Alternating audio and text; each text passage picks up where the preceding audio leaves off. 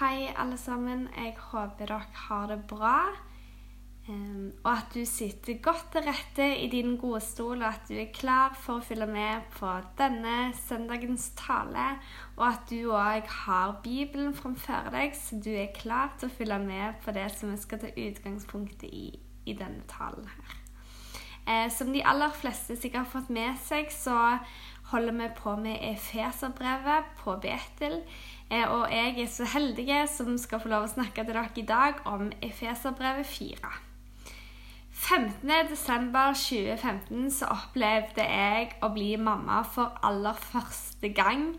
Eh, og det er det største jeg har fått lov å oppleve i livet til nå. Eh, og sikkert kommer til å få oppleve. Og som alle foreldre vet, så er det veldig spesielt å sitte med sitt første barn i armene.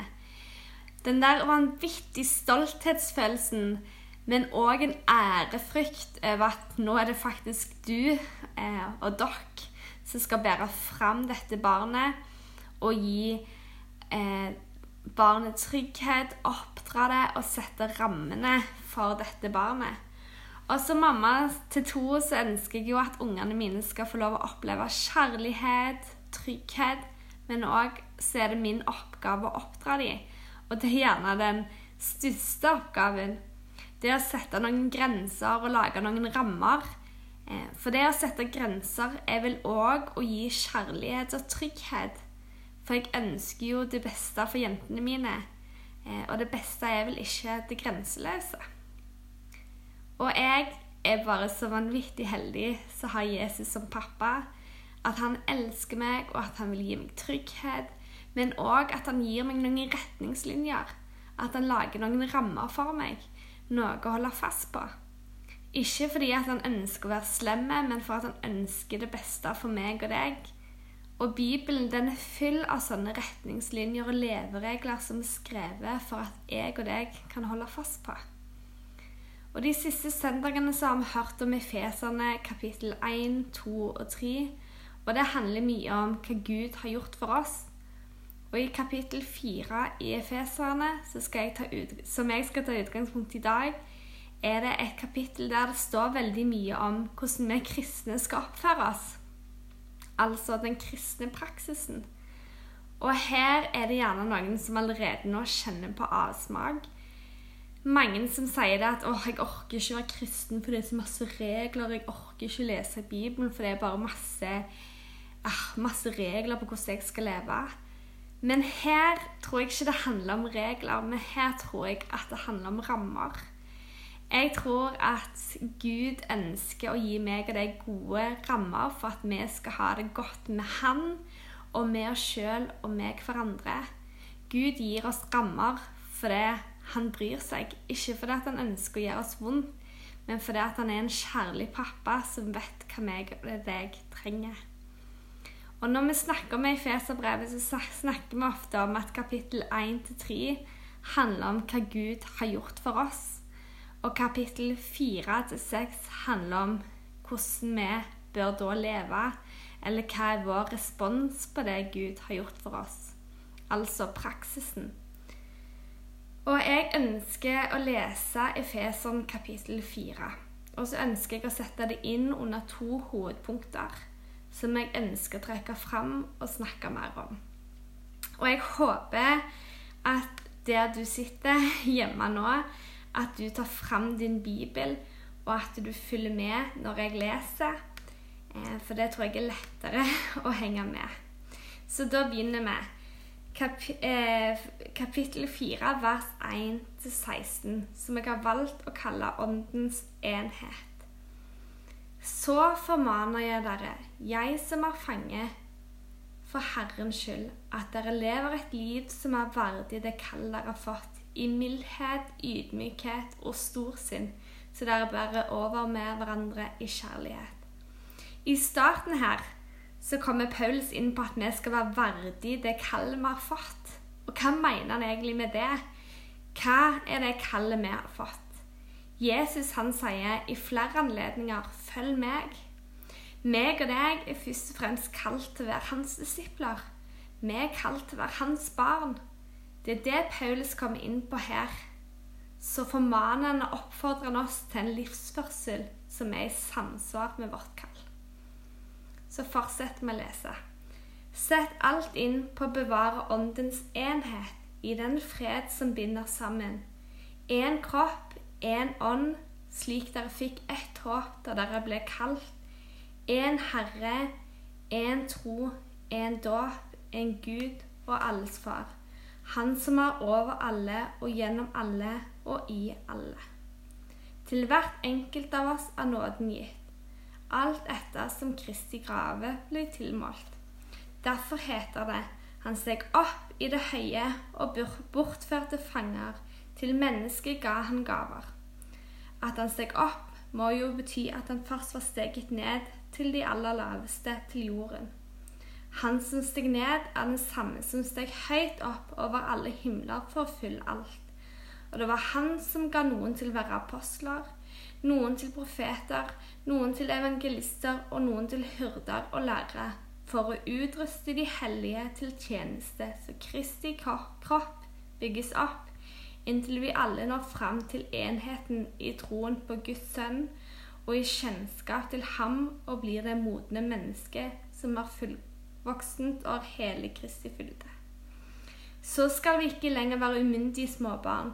Ikke la oss kaste hit og dit og drive omkring med hvert eneste vindpust av ny lære, så vi blir et bytte for mennesker, falske spill og listige, forførende knep. Men vi skal være tro mot sannheten, i kjærlighet og i ett og alt vokse opp til Ham som er hodet, Kristus. Ut fra ham blir hele kroppen sammenføyd og holdt sammen av hvert bånd og ledd, alt etter den oppgaven hver enkelt har vært tilmålt, så kroppen vokser og bygges opp i kjærlighet. Yes, åndens enhet. Kanskje la dere merke til når vi leste dette, at enhet blir nevnt flere ganger. Paulus han sier 'sett alt inn for å bevare åndens enhet. Sett alt inn, sier Paulus. Det betyr at vi skal gjøre alt. Det betyr ikke at vi skal gjøre litt eller noe eller til med mye, men alt vi kan for å bevare åndens enhet. Og når vi snakker om åndens enhet, så må ikke det forveksles med enighet. Spesielt når det gjelder teologisk forståelse og ståsted. For det er ikke det Paulus snakker om her. Vi blir bedt om å bevare noe som allerede eksisterer, nemlig den enheten som Ånden har gitt de troende. Men vi oppfordrer så sterkt som det er mulig til å bevare noe som er allerede gitt i gave. Denne gaven er den åndens enhet som binder sammen til et legeme der vi er hverandres lemmer, og der Jesus sjøl er hodet. Det er en enhet som allerede har fordi vi er kalt. Det er en enhet som vi har fordi vi er hans barn. Vi er alle Guds barn, eh, noe som betyr at vi er søsken. At meg og deg er i familie fordi at vi er kristne. Akkurat som du har en familie du er født inn i, eh, så får du en åndelig familie med de som er kristne. Og det er ikke alltid sånn at dessverre at vi kan velge familie, eh, men det er noe du blir tildelt. Og gjerne har du en familie som du er veldig glad i, eh, eller så har du en familie som du kjenner åh, skulle gjerne bytte litt på de folka som var der. Eh, men uansett så kan vi ikke velge de vekk, for det er noe du blir tildelt. Akkurat som din åndelige familie. Du trenger gjerne ikke å synes at alle er tipp topp, og gjerne noen som du skulle ønske du kunne bytte ut. Men de er din familie uansett. Vi har òg en enhet som vi må kjempe for. Menigheten er Kristi kropp. Eh, Jesus er hodet, og vi er hverandres lemmer, står det. Og tenk hvor heldige vi er som får lov å ta del av et sånt fellesskap. Tenk hvor heldige meg og deg er som får lov å gå på Betel eh, og komme sammen i et sånt fellesskap, og at vi kan være en enhet, og at vi er hverandres lemmer, men at Jesus er hodet, og det er menigheten som er Kristi kropp. Sett alt inn for å bevare åndens enhet. Meg og deg, vi bestemmer hva slags krefter som er tillatt i vårt eget personlige liv og i vår familie og i vår menighet. Det er meg og deg, vårt ansvar, hva krefter som skal få innpass i livene våre. Hvis vi tillater krangel og splittelse i vårt private liv, så gir vi òg kanskje rom for dette innad i menigheten. Og vi vet dessverre at det er en som ønsker å skape splittelse. Han som har kommet for å myrde og ødelegge. Han er interessert i å ødelegge våre relasjoner, ødelegge enheten som vi har til hverandre. Han vet at hvis han klarer å skape uro og krangel, så har han nådd noe av målet sitt. Og i den tida vi lever i nå, og den tida vi går inn i, så tror jeg det er så viktig med enhet. At vi har enhet innad i vår menighet. For jeg tror at hvis vi klarer å stå i sammen og vandre sånn som det sto her i starten av Efeserne, i mildhet, ydmykhet og storsinn, som vi bærer over med hverandre i kjærlighet, så tror jeg ikke det er noe som kan hindre oss som menighet eller som enkeltpersoner å gå inn i det som Gud har for oss. Når vi har enhet, når vi har fred, og når vi ikke har splittelse, så tror jeg òg at vi gir Den hellige ånd fritt spillerom. Vi som kristne er en del av Kristi kropp. Meg og deg skal få lov å være med og gjøre dette fellesskapet. Meg og deg kan få lov å gjøre dette fellesskapet godt. Sånn som jeg sa, vi skal få lov å komme med mildhet og ydmykhet og bære over hverandre. Det er ikke alltid vi er enige. Det kan være ofte at vi er uenige. Men det er ikke det det handler om. Det handler om at vi skal stå som en enhet. Alle familier kan være uenige, og det kan vi tåle, men vi er glade i hverandre for det. Eh, vi skal vise omsorg og kjærlighet for hverandre. Og i et sånt fellesskap så tror jeg det er godt å være, og jeg tror det er lett å blomstre. Og min bønn er at Betel skal være et sånt fellesskap for deg, der du kjenner at vi står i sammen og at det er en enhet, og at det er et en menighet der du kan få lov å kjenne at du kan få lov å blomstre, og der det er et fellesskap det er godt å være. Og vi sammen skal få lov å være med å bygge opp Kristi kropp, altså menigheten. Og det er ikke enkeltpersoner som skal bygge menigheten, men alle. Alle er like viktige og alle er med hans lemmer. Alle har med ulike funksjoner, men alle er med like viktige. Derfor så trenger vi at alle er med. Og du kan kanskje tenke lite om dine gaver, eller lite om det du bidrar med, men det er så viktig for helheten, for vi trenger alle mennesker. Og nå, vi må òg stå i sammen. Nådegavene det har noe med enhet å gjøre. For det står her, som vi leste, at vi har fått forskjellige gaver. Men gavene det er for å bygge opp Kristi kropp. Gavene er for å bygge opp menigheten. Istedenfor å kjeppe eh, i hjulene på hverandre, eller være misunte på hverandre, eller rakke ned på hverandre, så skal vi bruke gavene våre til oppbyggelse. Oppbyggelse for menigheten. Og i Feserne 4,11 så sto det og det var han som ga noen til å være apostler, noen til profeter, noen til evangelister og noen til hyrder og lærere for å utruste de hellige til tjeneste så Kristi kropp bygges opp. Inntil vi alle når fram til enheten i troen på Guds sønn og i kjennskap til ham, og blir det modne mennesket som er fullvoksen og har hele Kristi fylde. Så alle eh, nådegavene er viktig for å bygge opp menigheten. Så skal vi lese videre i kapittel, altså vi er ennå i kapittel 4. Skal gå videre fra vers 17 til 32 og snakke om det gamle og det nye mennesket. Jeg håper du ennå klarer å følge med. Reis deg opp fra stolen din og hopp litt opp og ned hvis du ikke klarer å henge helt med. Eh, og så bare er du med meg når vi leser videre. Se din bibel og heng på. Så ber jeg dere inntrengende i Herren, lev ikke lenger slik som hedningene. Deres tanker er tomhet, deres forstand formørket, og de er fremmede for livet i Gud. De kjenner, kjenner ham jo ikke, og deres hjerter er forherdet. Avstumpet er de blitt. De har gitt seg sannhet som er i Jesus. Lev da ikke som før mennesket over til et utsvevende liv. De er urene og grådige i alt de gjør. Men dere er ikke slik. Dere har gått i lære hos Kristus. Dere har hørt og fått opplæring i ham ut fra den. Men legg av det gamle mennesket som blir ødelagt av det forførende lystne. Bli nye i sjel og sinn. Kle dere i det nye, som er skapt i Guds bilde, til et liv i sann rettferd og hellighet.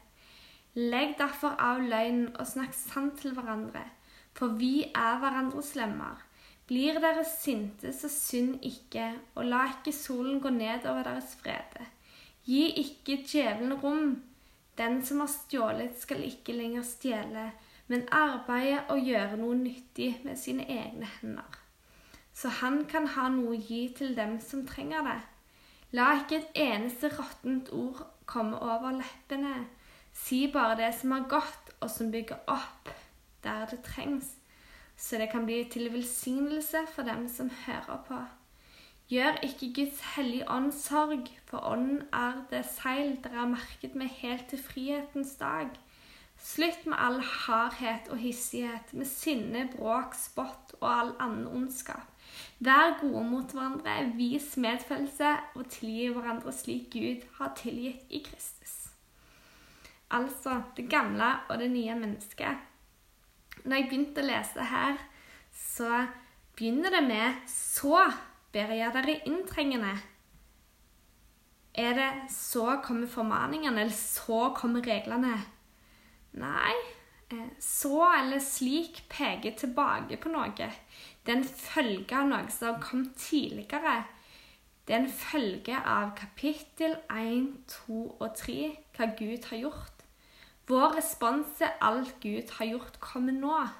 På grunn av det Gud har gjort for oss, så ønsker vi å leve annerledes. Så ønsker vi at det skal påvirke våre liv. Så ønsker vi at det skal skinne gjennom oss, det Gud har gitt til oss. Det er et før og et etter.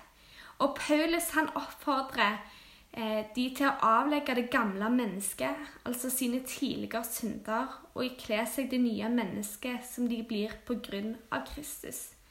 Kle av og kle på, det er noe vi gjør hver eneste dag.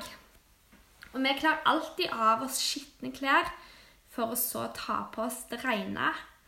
Og sånn bruker Pauls bilde om avkledning og påkledning for å illustrere hva vi bør preges av. Og hva betyr det å avlegge det gamle mennesket og ikle seg det nye mennesket? Det kan høres komplisert ut, men det dreier seg faktisk bare om en beslutning. En enkel troshandling. Jeg legger av meg det gamle og tar på meg det nye. Og når vi tar imot Jesus, så tror jeg òg mange kjente når de gjorde det, at de ønska å ha Gud som forbilde. De ønska å bli mer lik han. Og da vil de òg endre seg i sin livsførsel. Og Et eksempel fra mitt eget liv var at når jeg var 16 år, så fikk jeg ta imot Jesus.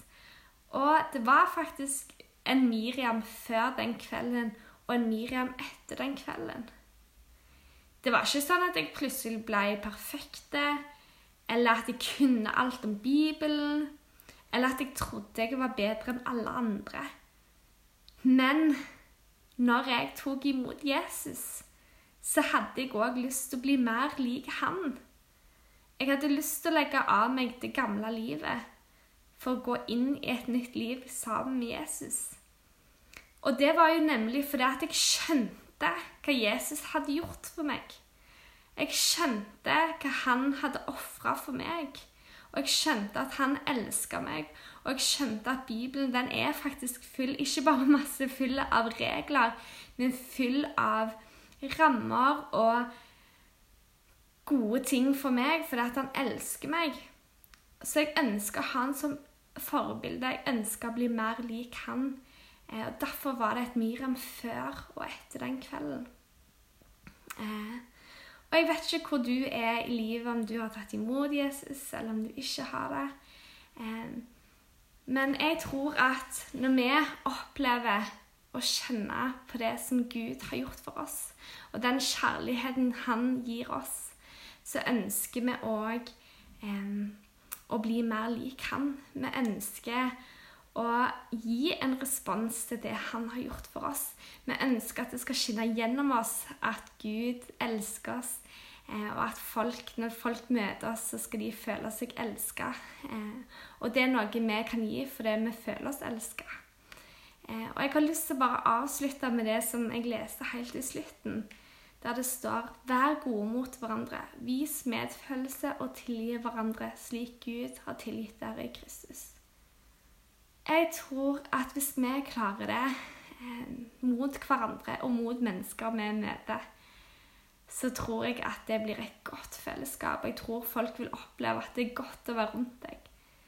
Vær gode mot hverandre. Vis medfølelse og tilgi hverandre. For vi vil oppleve at vi sårer andre, eller at noen sårer oss. Eh, fordi at vi er mennesker. Men tilgi hverandre sånn som Gud har tilgitt dere i Kristus. Eh, så la oss være sånn fellesskap på Betel, der vi ønsker enhet. Der vi viser hverandre kjærlighet og er gode mot hverandre, og at vi løfter hverandre opp og backer hverandre opp. Eh, og at vi kan få lov å blomstre. Eh, og at kan, Gud kan få lov å virke. Det ønsker vi. Og jeg har bare lyst til å avslutte med ei bønn. Kjære far, jeg bare takker deg for alle de som sitter i sine hjem nå og hører på Jesus. Jeg bare ber deg om at du må velsigne hver enkelt som eh, sitter hjemme nå, Jesus. Vær nær eh, og hjelp oss til å bli mer lik deg, Jesus.